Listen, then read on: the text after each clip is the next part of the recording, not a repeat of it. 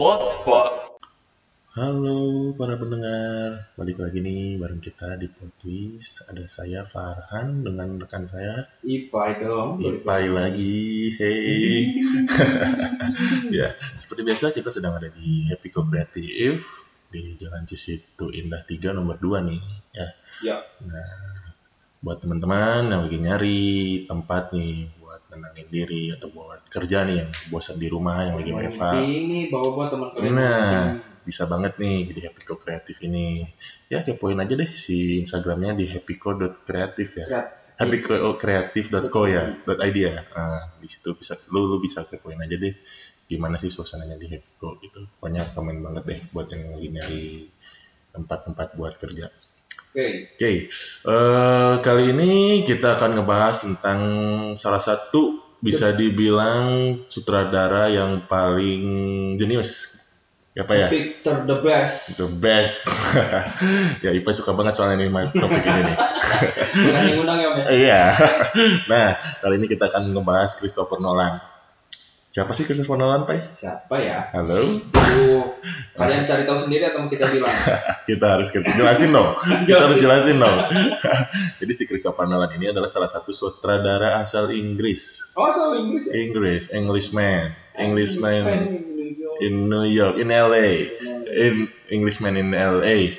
Nah, si Christopher Nolan ini sebenarnya udah cukup terkenal sih gara-gara si filmnya ini sering banget eh, bikin plot twist. Ya, filmnya benar-benar Hmm. apa ya? Kayak di luar jangkauan orang-orang Nah, biasa. gitu. Or- Kadang-kadang kalau nonton film si Nolan ini, kok kepikiran ya? Kepikiran banget gitu. Kok kepikiran ya bisa Kayak bikin gitu. film kayak gitu gitu ya?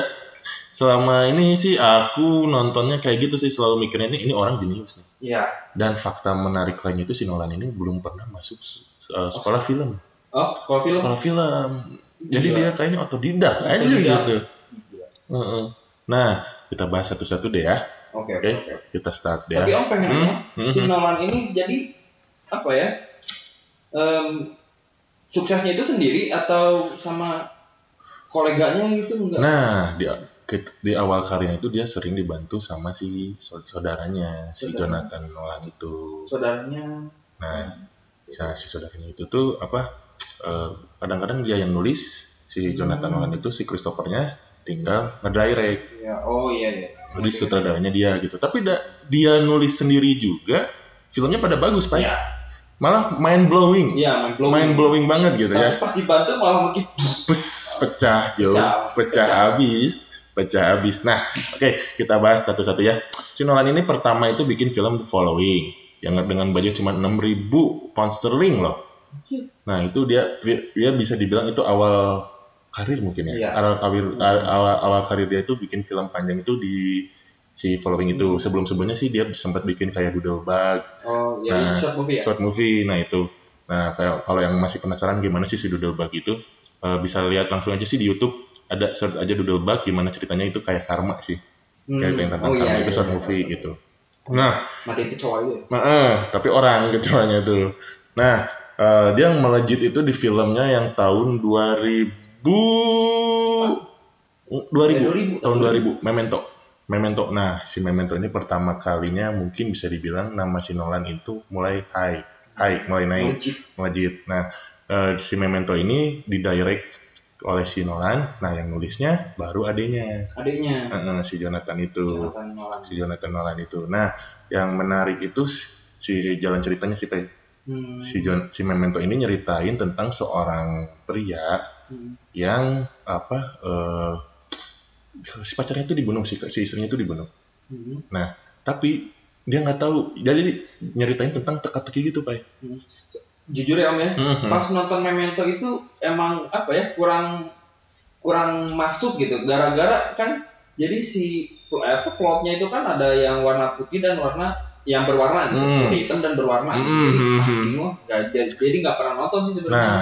jadi yang yang yang hitam putih itu berarti itu masa sekarang, masa hari ini, Balik ya. masa hari ini. Hmm. Nah, yang yang flashbacknya itu berwarna. Nah, jadi jadi gini, si plot plotnya itu, plot si Memento itu ya, buat para pendengar, kita ini dibuat penasaran sama kejadian sebelumnya. Hmm. Sebelumnya itu kejadiannya tuh kayak gimana sih? Flashback itu. Ah. flashback. Bukan flashback. Jadi kita tuh alurnya tuh bukan dari satu dua tiga empat, Jadi tapi tiga, dari dua, empat. bukan empat empat tiga dua satu gitu. Oh. Jadi mundurnya itu satu-satu, nggak Oh. nggak mundur dari empat ke satu langsung balik lagi ke tiga enggak. Oh, enggak. Jadi empat tiga dua satu gitu. Nah jadi nyeritain ini si Boga Lakonnya ini dia tuh punya short term memories. Hmm. Dia tuh punya memori jangka pendek. Nah setiap ketemu orang dia selalu ngefoto. Ketemu orang dia foto. Dan di foto itu ditulis karakter seorang tersebut tuh gimana. Misalnya nih ketemu si Ipai di jalan, dia difoto. Si Ipai ini orangnya humble. Si Ipai ini orangnya cerewet. Nah dia tulis di foto itu karakter seorang yang tersebut. Oh. Nah dia satuin karena dia pasti lupa. Pasti lupa. Ah, jadi kalau ketemu orang tuh dia nginget-nginget. Oh ini siapa sih? Gimana sih karakternya? Gitu. Oh. Nah terus setiap clue tentang pembunuhannya, tentang ya jadi setiap clue-clue yang buat nyambungin nyari Hmm. si pembunuhnya itu siapa, dia selalu ditato. jadi tato-tatonya itu tato-tato misalnya pembunuhan ada ada ada apa? crime scene misalnya ada ini dia tato Oh, biar nggak lupa gitu. udah tuanya gimana? Parah kan? Parah kan nggak kepikiran gitu nyin film Oh, tiga iya, gitunya. iya, emang. ya. mungkin jeniusnya si Nolan tuh bisa keliat di situ pak Hmm. ke di di film salah satu filmnya itu Memento nah dari Memento itu eh, dia apa mulailah kedengar nih siapa si Christopher Nolan tuh Oke. nah lanjut di tahun 2002 dia bikin lagi film tuh namanya itu Insomnia udah udah nonton belum pak Udah, udah nonton Insomnia. nah si Insomnia ini sih? Al Pacino ya? ya Al Pacino. Al Pacino nah si Ins- Insomnia ini nyeritain tentang eh, pembunuhan di Alaska Di Alaska. Di juga Alaska. ada malamnya ya? Nah, kebetulan di Alaska itu lagi musim panas. Oh, Lagi musim panas. Jadi, selama 24 jam itu siang, Bro. Jam 10 malam juga kayak jam 10 pagi. Makanya pernah ada ada gananya ya Al Pacino-nya. Ini anaknya nggak sekolah, nah, kok sekolah? Eh. Ini jam 10 malam. Jam 10 malam gitu kan si Al Pacino. Jadi si Al Pacino itu nyeritain detektif dari Amerika. Hmm. Dari Amerika yang bisa dibilang dia ngehandle ke kasus yang di Alaska itu. Sebenarnya Alaska juga masih Amerika sih ya. Nah, dia di- ditarik buat nyelesain kasus di Alaska Alaska. tentang pembunuhan. Nah, tapi ternyata di dia itu kena insomnia di sana. Gara-gara mungkin adaptasinya Iya, kan gara-gara nggak ada itu. malam. Terus kan dia harus mecahin kasus. Gimana sih caranya mecahin kasus? mumet. Nah, mumet. Jadi si Al Pacino juga mumet gitu. Nah, nah di sini ada plot twist sih. Oh. Ada plot twist sih. Nah, iya, iya. eh, just info juga sih setiap film si Nolan itu biasanya diselipin plot twist yang sangat menarik Ya, gitu. Setiap berarti- film. Berarti kalau nonton Nolan itu harus berfokus. Nah, jangan sampai misalnya nonton sajam, cabut, nonton lagi nanti Nah, wah pasti akan pasti nggak dapet lah feel feel feel ah, ah, bakal buyar gitu. Jadi si clue clue-nya kita nggak akan dapat gitu. Nah si Insomnia ini dibintangin sama si Al, selain sama si Al Pacino, ada juga si Robin Williams. Oh iya, ya. Robin, Robin Williams almarhum. Nah, bagi yang penasaran bisa nonton langsung sih. Hmm. Itu ini ini film si Nolan yang kedua, eh ketiga, ketiga kalau di following dihitung ini ketiga gitu setelah Oh, iya, Memento, keren keren. Memento sama Insomnia gitu. Oke, lanjut ke film selanjutnya itu. Nah, di tahun 2005 ini mulai nih salah satu trilogi favorit gue. Oh, wow, apa itu? pertama kalinya juga dia em, superhero ya? Iya, dia pertama kalinya juga di ngegarap mau ngegarap superhero. Superhero. Nah, yang digarap itu adalah Batman Begins. Nah, Batman Begins di tahun 2005. tapi emang si Nolan ini nggak ada trilogi lagi ya selain ini ya? Belum, belum ada. Belum, belum ada. Atau nggak mau ngambil lagi mungkin doi ya. Semoga, semoga. ya, jadi nggak alasan kenapa mungkin dia mau eh ngegarap si Batman Begins mungkin karena si Batman Begins, si Batman ini karakternya itu masih mungkin untuk direalistiskan. Mm-mm. Ya. Ya. Masih masih mungkin lah untuk jadi possible gitu ada di dunia nyata kan se- secara juga si Nolan ini suka banget tuh apa ngegarap pada film science fiction Hmm. negara film science fiction ya. Nah, di si Batman Begins ini dia itu eh, apa tadinya mau yang jadi Batman-nya itu si Jack Gyllenhaal. Jack Gyllenhaal. Tadinya, tadinya, tadinya. Nah, tapi gara-gara satu dan dua hal yang dipilih itu si Christian Bale. Christian Bale. Christian Bale. Nah, si Batman Begins ini nyeritain tentang awal mula Batman versi Nolan. Ya cuma pembuka doang sih ya. Pembuka kayaknya. doang gitu. Tapi pasti ada plot twistnya. Nah, Pasti ada plot twistnya. Musuhnya di sini itu si Ras Al Ghul. Ras Al Ghul. Ras Al Gurunya sendiri ya? Gurunya sendiri. Jadi nyeritain tentang bagaimana sih si Batman karakter Batman ini dimulai. Jadi dari kecil dia kena apa yang biasa sih yang pembunuhan orang tuanya. Hmm. Nah, digambarkan di si Batman Begin ini Gotham ini kota yang kota yang ka- kacau. Kacau. Kacau katanya Iya. udah korup gitu. Ya, ya. Polisinya juga udah nggak pada benar, mafianya banyak gitu. Bahkan si mafianya juga berani nantang polisi. Gitu. Saking ku edana lah si apa namanya? si kotanya gitu. Nah, yang mirip sama siapa? nah, si Bruce Wayne ini yang udah mulai beranjak dewasa, dia mikir gitu. Nggak mungkin dia, aing tuh bisa hidup gini gitu. Nggak bisa selamanya gini. Dia eh, kabur lah dari si hidup mewahnya ini. Selama tujuh tahun Belusukan. belusukan. dia belusukan, dia jadi hidup di jalanan sampai akhirnya ketemu si Ras Al Ghul dan dia dilatih sama si Ras Al Ghul. Sebenarnya si apa si Ras Al Ghul juga punya misi yang sama untuk si Gotham ini. Oh iya. Mm, jadi yang yang ngebedain itu gitu. Jadi si Ras Al Ghul pengennya si Gotham ini dihancurin dan di rebuild dari awal Oh, lebih kasar. lebih kasar. Nah kalau si Batman atau si Bruce Wayne ini dia pengennya itu nge-rebuild langsung. Jadi ah nggak usah nge- nge-rebuild dari nol. Gak usah ada bunuh-bunuhan. Nggak usah, nah emang anti. Nah si, si punya punya apa punya apa namanya sih? Kayak Punya punya hati nurani. ah, ah, hati nurani lah dia dia nggak mau ngebunuh. Ya. Dia nggak mau nggak mau ngebunuh si Batman itu. Nah si Ghul mah poek lah. Hmm. Ah, ada juga musuhnya musuhnya juga ada di sini tuh si Scarecrow yang diperanin Oh sama iya, Cillian. Murphy. Ngerti lagi. Eh, sama si Peaky Blinder sama si Peaky Blinder. Nah ini berlanjut sih sampai tiga film. Nanti kita bahasnya satu-satu ya.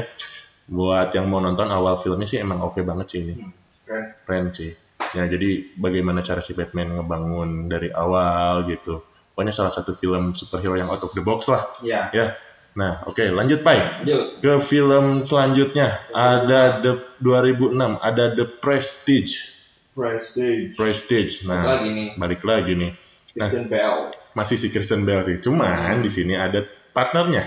Siapa itu? Hugh Jackman. Hugh Jackman. Oh, Hugh iya. Jackman. Ada Wolverine juga di sini. Ada Batman, ada Wolverine, sama ada Scarlett Johansson alias Black Widow. Kayaknya si Marvel itu, ih ini pemain-pemainnya keren nih. Bawa lagi lah. Bawa lagi, bawa, ya. bawa buat Bawa- itu bawa. buat jadi superhero. Eh, tapi si Hugh Jackman sama si Scarlett Johansson itu cuma film ini doang yang dibawa Nolan. Kalau Oh, iya. kalau si Kristen Bell kan ada Batman tuh. Terus-terusan ya. Eh, ada empat film berarti si, si Kristen Bell sama si Nolan. Tapi Hmm. kalau si Hugh Jackman sama si Scarjo itu cuma ada di sini. Ada di sininya.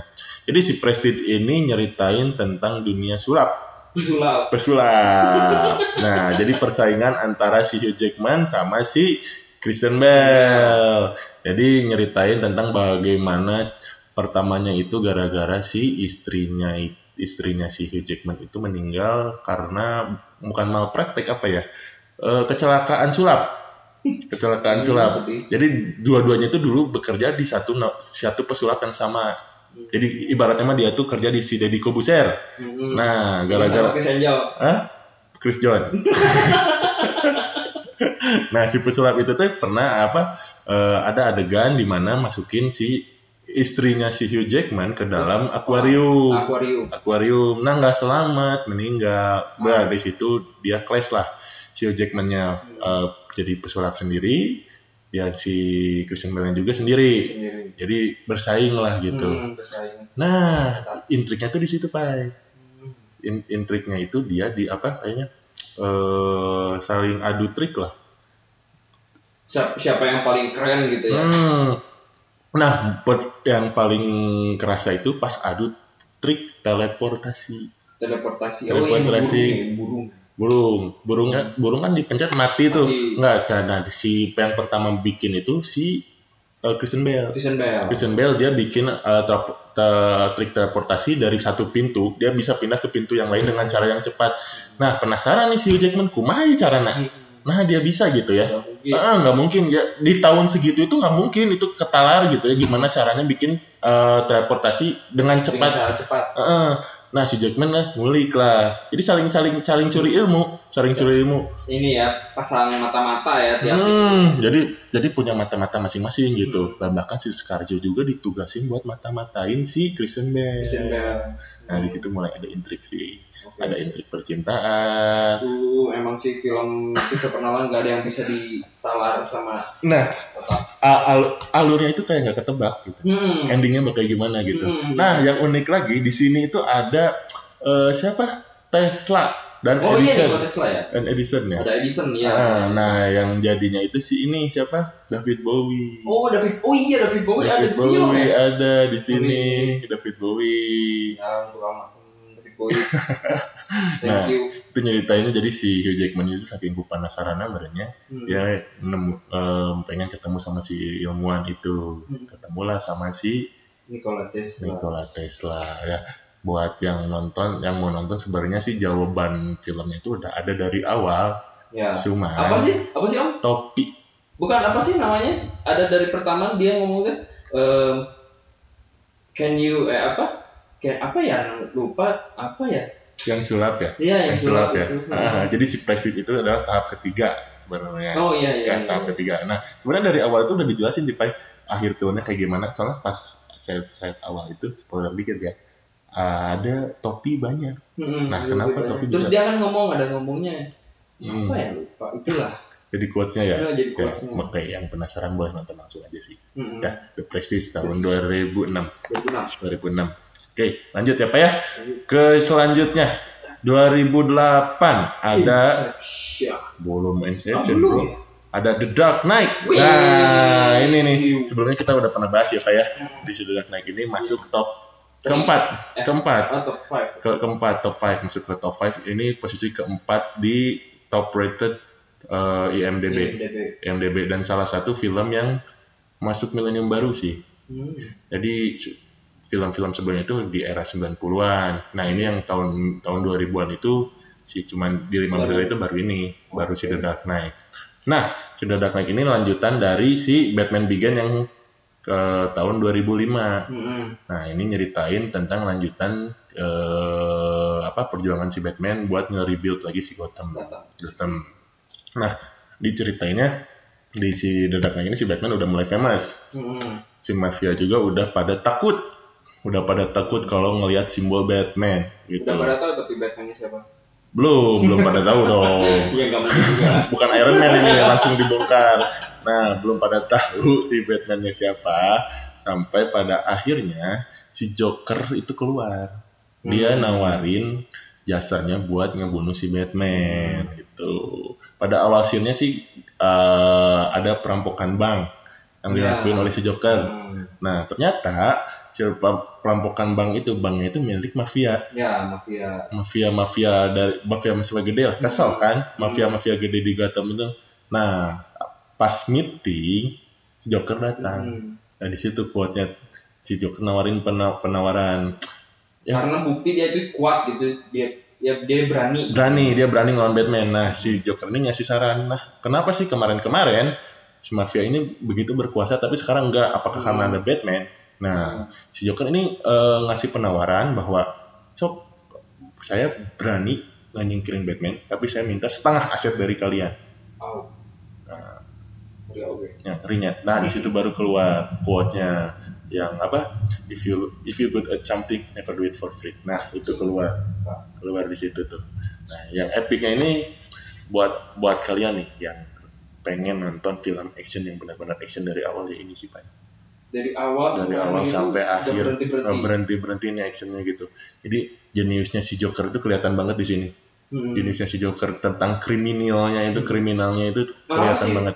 Apa faktanya itu yang pas dia apa nge ngebeledakin si ngebom si rumah sakit itu asli kan? asli ternyata itu rumah sakitnya juga kan pas dibom itu kan si Joker sempat ngeliat ke belakang tuh Hmm. sempat ngeliat itu tuh emang asli Improv ya? eh, no, ya itu improv ya emang asli harusnya tuh meledak langsung cuman gara-gara actingnya itu Ah. Pending ya? eh nah yang tapi ya ada ada kisah sedihnya juga sih si yang meranin Joker ini si Heath Ledger bahkan harus sampai meninggal gara-gara katanya sih overdosis obat penenang gitu Gara-gara film ini Kar- juga. mm, jadi pendalaman karakter si Jokernya itu si Ya, Heath, ya. si, si Heath Ledger itu sempat ngurung diri di kamar hotel sama berbulan-bulan Oh. nah makanya kenapa bisa jadi ikonik juga sih Hmm. why so serious Makanya ini ya ada penembakan itu ya yang gara-gara suka sama Joker. Jadi dia ada penembakan di Amerika ya kalau nggak salah di premiernya. Nah, itu sampai ke motivasi gitu sih. Hmm. Nah, yang yang uniknya juga sih gini, Pak. Eh, Si pemeran Rachelnya itu ganti, Oh iya. ganti. Di Batman Begin itu yang meran itu Katie Holmes, man- Katie Holmes, mantan ya. istrinya si Tom Cruise. Nah, yang di di yang Dark kedua ini The Dark Knight ini yang yang meranin itu si Adiknya. Bu- Adiknya. adik ya si Maggie Gyllenhaal. Ya, Maggie Gyllenhaal. Eh, kenapa? Gara-gara si Katie Holmes-nya itu katanya nerima proyek lain. Oh, Eh, ruginya pasti rugi. rugi lebarnya. Nah, selain Joker sih di film ini musuhnya itu si Harvey Dent. Hmm, Harvey Dent. Harvey Dent, ada si Two Face, ada si Two Face. Ya, yang yang penasaran sih boleh banget ini ditonton sih. Ini yang paling rekomendasi. Rekomendasi ini soalnya si superhero-nya out of the box. Ya, Out of the malah box. semua film Nolan direkomendasi. Nah, bener sih bener, bener. Jangan sampai enggak sih sarannya. sar- soalnya plot twistnya dapat Ya. semua gitu. Nah di film juga ada plot twistnya Pak.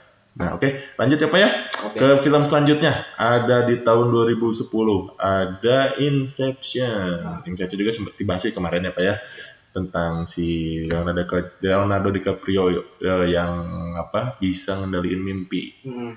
ngendaliin mimpi seseorang gitu. Ini Pertama salah kali juga ya Leonardo DiCaprio ya. apa?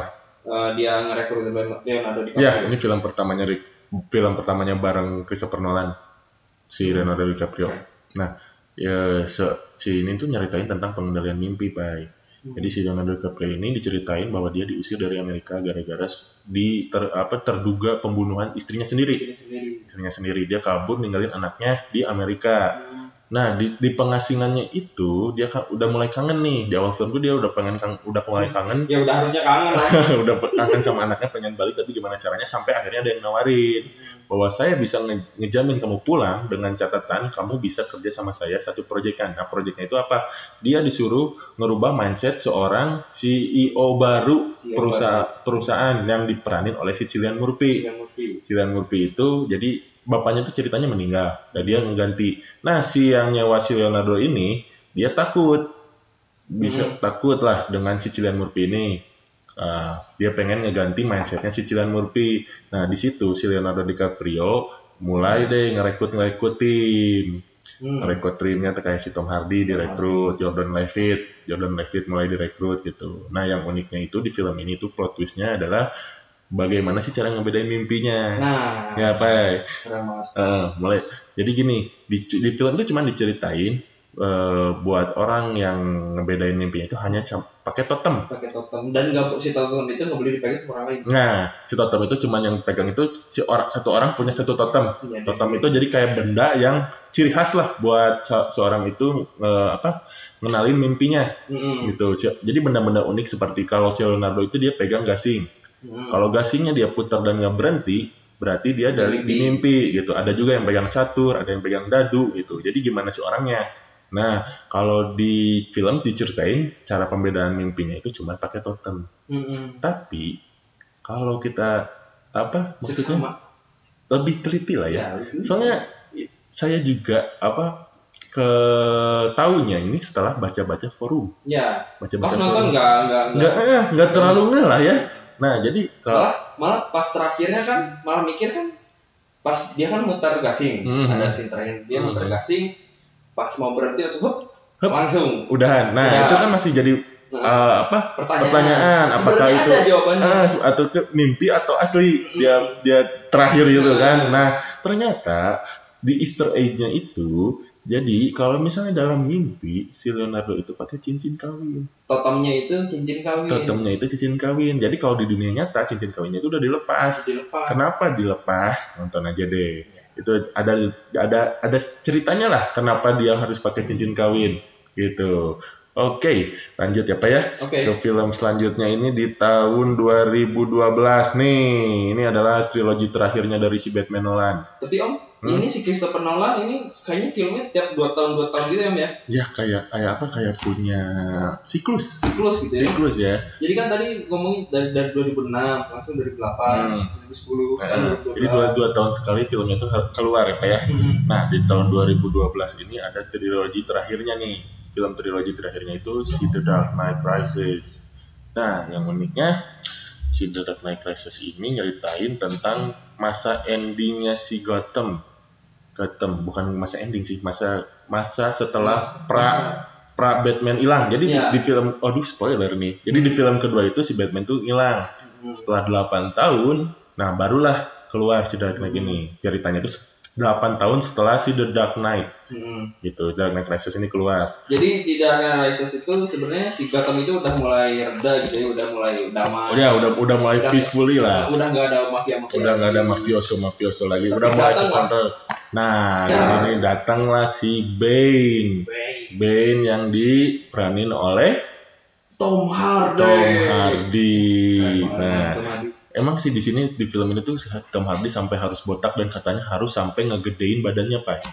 Ih, emang malah pas pertama nonton itu kan sebenarnya gue tahu kan itu si eh, siapa Tom Hardy itu siapa gitu. Ah. Tapi pas nonton Knight Rises itu Nggak nggak nyangka ya, Nggak- ya. pas nonton nonton aja gitu. Hmm. Tapi pas udah nonton ke ya Keberapa kali? jadi ya gimana ya om ya tiap nonton Christopher Nolan itu pasti ngulang Nggak, nggak, nggak bisa sekali lah ya. Bisa sekali. Nggak bisa sekali ya. nah itu nonton The Dark Knight itu kayaknya pas nonton ketiga gitu Ketiga baru nge. Ba- ba- baru ngehnya itu pas lihat di MDB maksud eh Tom Hardy Tom? Hardy. ya Tom Hardy oh iya si Ben Si. Ben. Emang keren pisan. Nah, jadi ceritanya itu si Tom Hardy ini adalah utusan si Ra's al Ghul. Ra's al Ghul dari si Batman Begins. Hmm. Utusannya itu dan katanya dia itu anaknya si Ra's al Ghul. Nah, dia mau ngelanjutin kiprah bapaknya yang meninggal. Tapi nah di situ plot twistnya. Ada plot twist lagi. Selalu pasti ada plot twist di film Nolan ya. Film. Hampir semua sih ada plot plot twistnya. Dan di sini plot twistnya dapat juga. Nah, karakter-karakter yang muncul di sini itu ada si Catwoman. Oh iya, Catwoman. Iya, ada Anne Hathaway. Ada Anne Wah. Hathaway yang diperanin oleh Anne Hathaway emang cakep banget sih di sini. Jadi si Catwoman ini di sini eh, nyeritain dia pengen balik ke hidup normalnya lah. Hmm. Dia pengen ngehapus apa jejak-jejak kriminalnya. Hmm. Nah, dia bekerja sama si John Daggett. John Daggett ini salah satu yang apa ngerekrut si Ben, ngerekrut si Ben buat ke Gotham. Si John Leggett ini kan kerja di apa namanya Wayne, Wayne Enterprise. Enterprise, ah, salah satu jajaran direksinya lah. Nah, di jalan direksinya. Ah, sampai akhirnya si- di sini sih kayaknya dia mau nge apa? nggak akuisisi, nggak akuisisi, Ah, nggak akuisisi nggak si akuisisi si Wayne Enterprise. Wayne Enterprise ini. Nah di situ sih serunya mulai ada intrik si Bruce Wayne sama si Alfred. Di sini mulai ada. Nah fakta menarik lainnya itu katanya ada rumor bahwa seharusnya si Heath Ledger itu muncul di film ini. Jadi Jadi Joker. oh Harusnya, oh, ya, kan, se- tapi- jadi sebenarnya si film Joker itu sebenarnya sebenarnya belum beres. Belum beres. Harusnya di Dark Knight Crisis ini dia ke- harusnya kembali lagi gitu. Mm-mm. Cuman gara-gara mungkin Tuhan berkata lain ya. Hmm, ya. Nah, dan juga sempat jadi pertimbangan itu si Leonardo, Leonardo DiCaprio juga harusnya jadi main villain di sini. Wow. Tadinya selain si Tom Hardy itu dia dipilih sebagai si The Riddler. Yang tanda tanya, Anjing. bukan tanda Kebayang tanya, kalau bisa Ya. Siapa sih namanya? The Riddler. The Riddler ya. The Riddler. Ini dulu siapa Jim Carrey. Jim Carrey. Nah kan kebayang kan si Nolan bikin teka-teki musuhnya yang suka teka-teki. Iya. Kabayang teh, Anjing. kabayang teh pecah kumanya. Tapi kalau misalkan jadi gitu ya Leonardo DiCaprio jadi main villain berarti udah keluar karakter banget gitu dari kehidupan biasanya gitu. Kalau biasanya di film dia jadi main karakter yang emang Boga lakon, gitu. boga lakon ya, boga lakonnya. Ya iya sih. Mungkin tapi setelah nonton filmnya yang Django, dia bisa sih jadi penjahat. Oh iya, oh Django ya dia Django, ya. di Django dia, Dia bisa jadi penjahat dia ya? bisa sih jadi Dia penjahat. ngebunuh ya kulit hitam ya. Eh, dari film Django kayaknya dia cocok sih jadi penjahat. Terus mungkin gara-gara film Inception juga. Soalnya dilihat-lihat si Nolan ini, Christopher si Nolan akrab banget ya si Nolan. Emang best friend banget. Best friend banget ya. Tiap, ada film aing keluar aing dukung. nah, biasanya si Nolan, Christopher Nolan ini aktornya itu sama apa ya? Sam, si Iya. Michael Caine aja Michael sampai Caine. sampai berapa kali kan? Dari Prestige ya. Dari Prestige dia ada, Inception dia ada, Iya. sampai ke Interstellar juga dia ada. Walaupun dia bukan main film eh main karakter. Bukan main karakter gitu ya. Nah di di film The Dark Knight Rises ini dia ada jadi Alfred. Dari dari Batman Begins satu sih. Iya dari Dia dari Batman Begins satu juga udah jadi Alfrednya Al- Alfred Pe- Pennyworth. Nah di sini juga ada Robin tapi ending. Oh iya itu. Eh Ada oh Robin. itu kan itunya oh plot Plot twistnya ya, oh. ya, bocorin dikit lah. Kita plot twist. Nih. Joseph Gordon-Levitt di sini jadi Jack Black, aka Robin. Soalnya kan ada ya yang apa? resepsionisnya yang nanya nama kamu siapa Blake nggak Nggak ada, C- Coba pakai uh, Nama bird, kasih sayang. bird, bird name. Ah, bird name. I like- pakai nama itu I like your name sini ya. I like your name Robin. Robin Anjay. Di, situ acep sih. Nah, ada rumor juga sebenarnya itu harusnya ada film keempat ditawarin, ditawarin Sinoran buat film keempat. Cuman dia nolak. jangan ah Hmm. maksa kayaknya Maksa ya, takut maksa. Mungkin Sinoran juga berpikir seperti itu, takut, takutnya maksa. emang udah best friend kan sepemikiran Eh, harusnya ya, harusnya ada keempat tapi nggak jadi katanya seperti, itu dan si Nolan ini sekarang udah mulai nolak sih bukan nolak apa ya enggan buat apa jadi sutradara film superhero lagi Hmm. gitu ada rumor seperti itu udah nggak apa-apa Mm. Nah oke lanjut Pai. Film dua tahun lagi Pai. Ada Interstellar. Nah. Ini film favorit Pai nih favorit aing sepanjang masa. Yang enggak yang apa ya om? Jadi kayaknya eh apa emang faktanya kan dia itu nyewa eh bukan nyewa apa yang ngerekrut science science apa namanya? Saintis scientist asli gitu. Hmm. Jo- eh, siapa namanya? Thornkip ya? Hmm. Kip Thorne salah Kip Thorne itu itu dia emang dapat Nobel Prize Hmm. pada pada masanya gara-gara itu apa yang si black hole itu kalau nggak salah ya eh, Tesseract Tesseract Tesseract Tesseract ya Mm-mm. Nah, jadi si Interstellar ini nyeritain bahwa kondisi bumi itu sebenarnya latar ceritanya itu nggak jauh dari tahun sekarang ya. Mm. Jadi jadi gambarin itu dua, mungkin 20-30 Nah, tahun itu, dari oh, sekarang sih Jadi ya. ada kayaknya ada spoilernya itu dari si kakeknya itu ngomong dulu pas kakeknya eh, eh, apa ada di ceritanya itu bapaknya si Cooper. Cooper Eh, dia itu cerita dulu pas Zaman pas- saya. zaman saya pas ya pas remaja hmm. Dia Orang-orang berlomba berlomba buat ngejar-ngejar gadget eh, eh, buat inovasi gadget ya. gadget gadget berarti itu zaman kita Zaman sekarang kan. Sekarang, Nah, berarti. emang sih yang yang jadi uniknya itu si mobilnya itu kan pakai Rubicon. Hmm. Rubicon itu udah mulai jelek. ya Berarti Rubicon itu kan sekarang keluarnya kan ya. Ya emang digambar itu mungkin 20-30 tahun dari sekarang mungkinnya Ya. si setting latarnya ya. Nah jadi nyeritain tentang bahwa kondisi bumi ini udah mulai kritis. Hmm. di mana ada badai matahari yang mulai meng- menggerogoti eh, pangan manusia. Jadi malah ya fun fact-nya gitu om di hmm, film Interstellar ini nggak ada banget binatang-binatang jadi kayaknya itu kan di- dari makanan pun semuanya warna kuning tak katanya hmm, di di film ini emang di apa situasinya itu udah nggak ada binatang om katanya udah, Oh. udah punah semua udah punah semua ya si binatangnya. ya.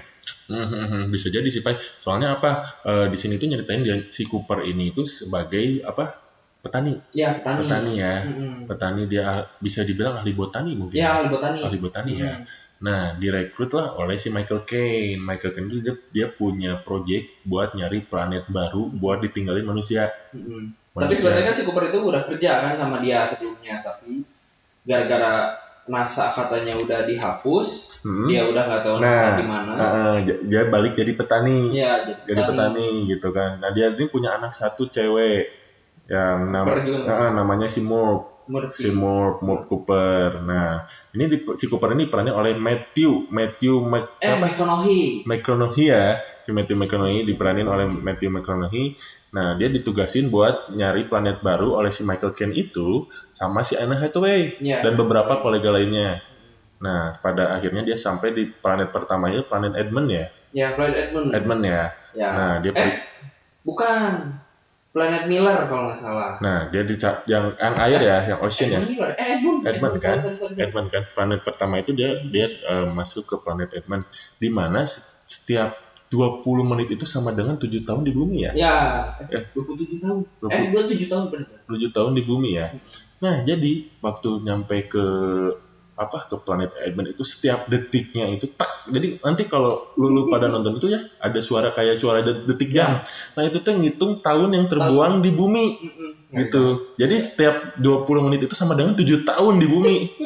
gitu. Nah, dia pas balik jadi pas di planet Earth itu dia ngelihat kayak ada gunung. Nggak ada nggak ada daratan. Ada daratan jadi kayak di laut tapi lautnya dangkal. Dangkal. Laut dangkal gitu cuman sema, sebetis lah, sebetis lah ya. Nah, dia ngelihat gunung, Pai. Ngelihat gunung, oh, itu ada gunung ternyata Gunung, bukan betul, betul. gunung, ombak. Pas eh ombaknya kok ngejauh. Pas lihat ke belakang, deng, Deng. anjing. Nah, itu Nah, kalau misalkan nonton di Bioskop ya. bioskop dar. Dar, nah itu emang emang scene paling hacepnya di situ Iya. sih. Eh, Scene paling hacepnya si Nolan tuh. bikin goosebumps anjing nah merinding. dan katanya musiknya ini tuh IMAX semua, pakai kamera IMAX. anjing. Ngeri kan? percaya kan sama Nolan kan? Ngeri kan? Nah jadi nyeritainnya itu pas di Edmund itu dia salah salah ini apa ya? Salah apa? Salah planet. Ternyata Oh, bukan planet. Edmund. Nah Nggak, dia katanya jadi dia mau ke Edmund itu gara-gara emang si pacar si Anne Hathaway sebenarnya katanya. Dia mau ngejar Edmund eh, jadi ad- sebelumnya ini emang ada project project apa nyari nyari planet cuman nggak balik Hmm, lagi. balik lagi. nggak balik lagi kan ya. Nah pas balik lagi ke kapal ternyata anaknya udah remaja. Hmm. udah udah teman seumuran. itu siapa? Ro- Romi Romili ya Romili Eh, eh, udah udah tua. Udah tua katanya di kirain gak akan balik lagi. Mm-mm. Jadi sebenarnya dia dia itu pergi cuman setengah sejaman lah ya, sejaman pergi. gara-gara apa? Kapalnya yang basah ya? Heeh. keringin doang. Eh, eh, nah kan satu 20 menit tiap 20 menit di sana sama dengan tujuh tahun di bumi itu kan ngeri. Iya. Ngeri kan. Berarti kebayang kan dengan sejam aja dia udah pergi selama 21 tahun. Iya dengan Hmm. sejam aja ya. pas balik lagi. Pas balik lagi dar teman 27 tem, tahun tem- kemudian. temannya udah tua anaknya juga anaknya udah seumuran udah hampir seumuran. Jadi si, ditinggalin anak ceweknya kan ya di Hmm. bumi. Nah apa tapi pada akhirnya dia harus milih kesedot sama si black hole pai. Oh iya. Black hole. Tapi si Anne Hathaway-nya enggak cuma si Hmm. Coopernya aja si Matthew Hmm. yang kesedot. Nah di situ dia mulailah eh, apa ketemu yang namanya Tesseract Mm. nah Tesseract ini itu ini fisika sih Nya. ya fisika fisika sih ya maksudnya orang juga tuh bisa tuh bisa nerangkeun eta Iya. naon gitu nya Heeh. nggak Nah bisa itu makanya yang bikin menarik itu dia emang ngerekrut Kip Thorne itu emang film itu emang ada science bener real science Heeh. jadi si Tesseract ini kalau digambarin kayak gini deh kalau misalnya kamu masuk ke black hole harusnya itu jadi kita perjalanan perjalanan itu jadi lebih cepat Hmm. harusnya. Hmm. misalnya dari planet A ke planet B itu butuh 3000 tahun cahaya. Cahaya ya. Tapi kalau masuk ke black hole mungkin hanya 1-2 jam. Hmm. gambarnya gambaran ilus- ilustrasinya seperti itu. Cuman yang jadi pertanyaan itu gimana kalau pe- kapalnya itu pecah di dalam black hole? Oh, jadi tersesat nah Hmm. tersesatnya itu di Tesseract namanya Tesseract itu kayak waktu. ruang waktu kayak dunia apa lima dimensi lah ya bener-bener. lima dimensi ya nah di situ plot twistnya Ya. di, di situ ada plot twist Kalian- pas masuk pas masuk ke Tesseract ada plot twist pak Ini ini film ya favorit gua sepanjang masa. Christopher Nolan emang kerennya. Nah, emang pas eh, apa di si Tesseract ini dia mulai teka-teki lah. Hmm. sampai akhirnya dia bisa keluar dan ketemu anaknya lagi. Itu udah Udah nenek-nenek 100 tahun. udah nenek-nenek. Dan dan di akhir film ini spoiler dikit ya. Di akhir film itu ada apa yang namanya kayak stasiun luar angkasa.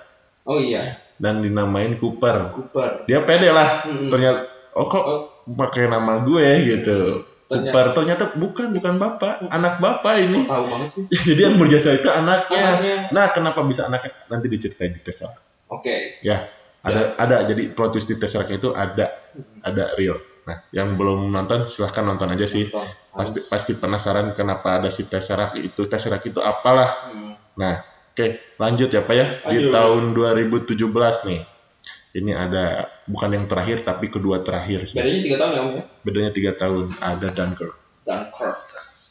Dunkirk itu nyeritain apa nyeritain tentang tentara sekutu yang terjebak di Dunkirk jadi Tentara Inggris ya. Tentara- fokusnya ke Inggris sih fokusnya di film ini fokusnya ke, Inggris cuman kalau dari sejarahnya emang nggak Inggris aja yang di situ Hmm, tentara sekutu sebenarnya. Nah, jadi nyeritain tentang tentara Inggris kalau di film Dunkirknya Hmm. ya. Tentara Inggris yang terjebak di semenanjung Dunkirk.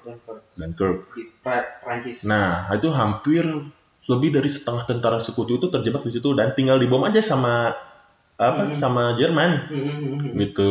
Nah, di sini ada tiga tiga point, point of view lah. Satu point of view yang di darat yang ada si Harry Style. Nah, Harry Style main di sini nih. Ada Harry Style. Nah, yang kedua itu yang di laut, yang tentang si apa, yang mau ngejemput Oh, pakai ngejemput. pakai perahu nelayan, Hmm. yang si Nick Murphy. Iya, Nick Murphy. Nick Murphy. Nah, yang ketiga, Ah, Cillian Murphy. Jen, Nick Murphy, waduh, Chad Faker, Cillian Murphy. Nah, si Cillian Murphy yang di lautnya, Nah, yang di udaranya ada Tom Hardy. Tom Hardy. Tom Hardy sebagai pilotnya. Pilot. Nah, jadi ada tiga point of view nih Hmm. tentang gimana cara penjemputan para tentara Inggris di Dunkirk. Hmm.